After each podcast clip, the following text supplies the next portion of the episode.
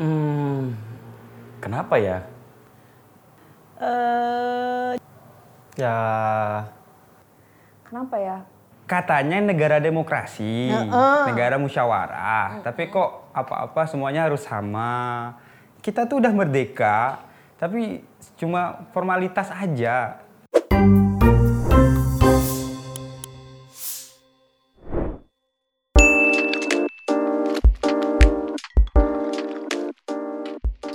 Alasannya Mungkin tergantung ya standarnya yang disebut negara maju itu yang kayak apa, negara berkembang tuh kayak apa. Kalau aku nanti jadi orang kiri gimana mbak? Aku ditangkep loh nanti. Enggak lah, mungkin karena yang manfaatin sumber dayanya bukan orang Indonesia. Kalau aku lihat kayak banyak korupsi. Jadi makanya nggak maju-maju. Kalau yang aku lihat ya nggak tahu juga sih. Di pemerintah. Otomatis di sana. Istilahnya kita ya kelihatan banget sih di era pandemi ini mau apa-apa dipersusah gitu loh. Kalau saya melihat dan saya menganalisis pada saat saya kuliah, alasannya yang pertama adalah di SDM-nya karena SDM-nya kan luas tapi kan pengelolaannya nggak sih yang salah maksudnya kayak kalau misalnya SDM sama SDA-nya dikelola dengan baik pasti bakal bisa maju Indonesia. Karena dari kita sendiri yang berada di sini tuh tidak ada eh, rasa ingin apa ya istilahnya membeli atau menggunakan eh, hasil alam yang sudah ada, produk-produk yang sudah ada itu kita itu lebih memilih dari makanan impor misalnya seperti itu sih. tingkat literasi di Indonesia masih sangat rendah. Jadi sebenarnya eh, Indonesia tuh punya bahan mentah yang banyak gitu. Cuma karena kita belum tahu cara mengolahnya, cara mendistribusikannya, jadi eh, barang mentah itu harus diekspor dulu, baru nanti eh, mereka akan jadi barang jadi. Dan kita akhirnya beli dari luar, padahal itu bahan bakunya ada di Indonesia ini. Belum sepenuhnya menggali potensi, menggali keterampilan dari individu masing-masing. Sehingga pada saat dihadapkan dalam suatu masalah, itu tidak punya skill, soft skill, dan lain sebagainya. Sehingga menimbulkan yaitu tadi permasalahan seperti itu. Karena mungkin banyak yang orang yang nggak percaya dan mereka nggak pede. Jadi kayak misalnya beberapa kan kejadian ya dia bisa bikin apa gitu kan, bikin bisa bikin mobil. Orang-orang tuh pada langsung emang Indonesia bisa kok bikin gitu gitu kan. Jadi stigma ya itulah bicara-bicara itu. Pada jadi kita nggak percaya dengan sesama dan nggak mendukung gitu loh, nggak saling mendukung kita. Jadi Indonesia sendiri itu bukan negara produksi, negara konsumsi. Udah semakin kelihatan gitu loh. Negara ini tuh seperti disetting untuk berkembang terus karena yang di atas semakin untung gitu loh karena pasti ada cuannya di situ. anak apalagi anak muda zaman sekarang ya pada gengsi nggak sih? Maksudnya kayak pada apa ya pada milih-milih apa apa tuh milih-milih gitu nggak mau ngerjain yang ini yang mau jadi itu. Pokoknya pengen yang kelihatan grade-nya tuh bagus atau kelihatan keren kayak gitu. Jadi Tapi sebenarnya coba lihat hasil-hasil orang Indonesia itu banyak dibeli sama negara luar. Indonesia apa? Sebenarnya kita jauh di atas Prancis, jauh di atas Jerman, Belanda, Jepang gitu-gitu untuk apa ya? Untuk ide kreatif pembuatnya yang memproduksinya. Tapi kita dari dulu di mindset kan sama penjajah. Kita yang sekarang kita masih dijajah, itu kita negara konsumsi, bukan negara produksi. Tadi teteh bilang kan banyak orang yang pinter segala macam, tapi tetap aja caps lock nih Indonesia negara berkembang. gitu. Nah itu dia. Makanya sugesti orang itu udah dari TK tuh dikasih tahu kalau Indonesia berkembang. Sampai ayeuna. Sampai akhirnya nggak ada perubahan kan. Udah presiden udah ganti itu yang ketujuh. Mungkin karena hmm, ada daerah-daerah di tempat kita yang memang itu di pelosok-pelosok itu dia juga memang belum tersentuh pendidikan yang sama seperti di Jawa atau teknologi yang sama seperti di Jawa. Hmm, belum merata, belum merata. Jadi misalnya kita di sini ngerasa kayaknya banyak kok yang pintar, tapi kalau kita ke misalnya ke Sumba misalnya standar beberapa pintar daerah. itu beda gitu. Oh, iya Heeh. sih.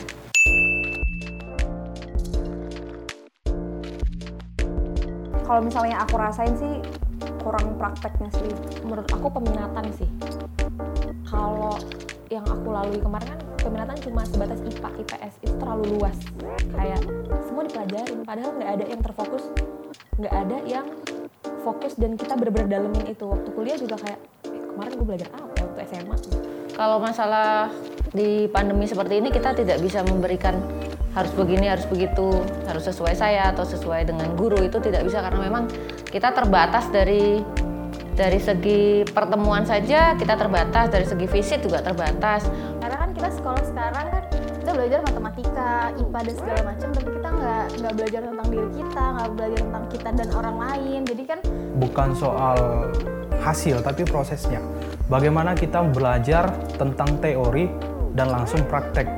Kalau aku sih lebih ke ininya, lebih ke jam masuk sekolahnya itu pendidikan tuh. Karena ini Senin sampai sampai Sab eh sampai Jumat ya, sampai Sabtu. Itu kebanyakan terus kebanyakan pelajarannya juga. Lebih baik misalkan per seminggu tuh tiga kali masuk sekolah, sisanya orang ya bisa sesuai hobinya masing-masing. Mau bikin film silahkan, mau main bola silahkan kan itu.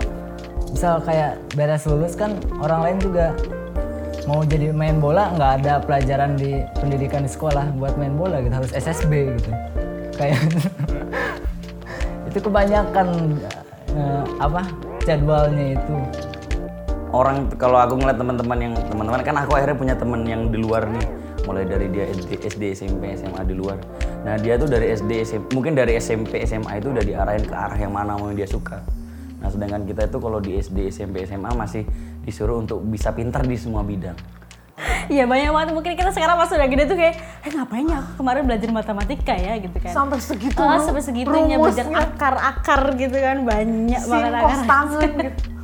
terus ternyata kok sekarang enggak ya nggak dipelajarin ya gitu kan Tuh, saya saya pikir gini, tidak ada hal yang itu sia-sia gitu. Iya. Pasti pasti ada sesuatu yang bisa kita dapat, entah itu logika, berpikir, entah itu uh, problem solving. Jadi istilahnya uh, kita jadi tahu cara berpikir gitu loh.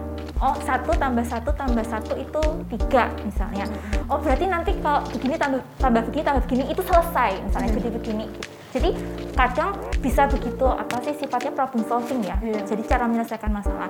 Nah tapi kalau tadi kemudian dianggap tidak aplikatif maka yaitu tugasnya pengajar adalah untuk menginformasikan ini nanti sebetulnya Buat apa? untuk apa. Yang pertama pasti eh, budaya literasi ya itu menurut saya sangat kurang. Bahkan saya sendiri pun nggak bisa bohong kalau saya lebih suka nonton misal untuk mempelajari sesuatu saya lebih suka menonton YouTube daripada daripada menja- membaca buku. Padahal sebenarnya ada banyak hal yang itu tuh ada di buku tapi tidak ada di YouTube gitu loh. Menurut Raka tuh Indonesia ini salahnya siapa juga nggak tahu nggak mau nyalain juga Indonesia mungkin terlalu luas jadi istilahnya pendidikan itu bisa meratakan gitu loh kayak dari awal tuh kan kita, manusia kan punya minat dan punya bakat. Jadi kan semisal, oke semuanya kita pelajari nggak apa-apa. Tapi tolong jangan sampai yang detail-detail banget. Fisika ngapain sih kan aku harus belajar hukum Newton, sedangkan aku bikin musik. Ada nggak musik di hukum Newton? Gitu, Pak Nadim. Tolong, eh, semisal anak-anak yang punya bakatnya masing-masing di seni ataupun di di mana pun itu, itulah eh, tolong tolong dikasih wadah buat mereka. Nggak apa-apa jangan jangan nyalahin. Kalau misal orang yang bakatnya nyanyi matematikanya rendah jangan dis- jangan disalahin. Jangan dimarahin. Orang tua juga jangan dimarahin anaknya yang matematikanya rendah. Sedangkan dia punya bakat main piano loh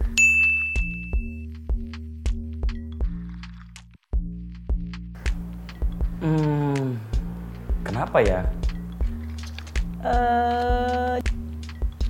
itu apa namanya tuh kayak ya Kenapa ya? Karena ya karena itulah maksudnya pandangan pandangan orang awam ke pertanian sih menurut aku.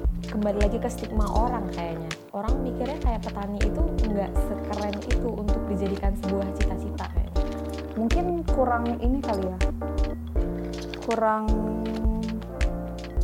kurang menarik mungkin sih untuk beberapa orang gitu. Zaman. Oi, zaman ini udah berubah sangat ekstrim guys. Jadi emang emang ya zamannya udah ya globalisasi teknologi gitu udah udah sangat sangat mendominasi di dunia ini gitu loh.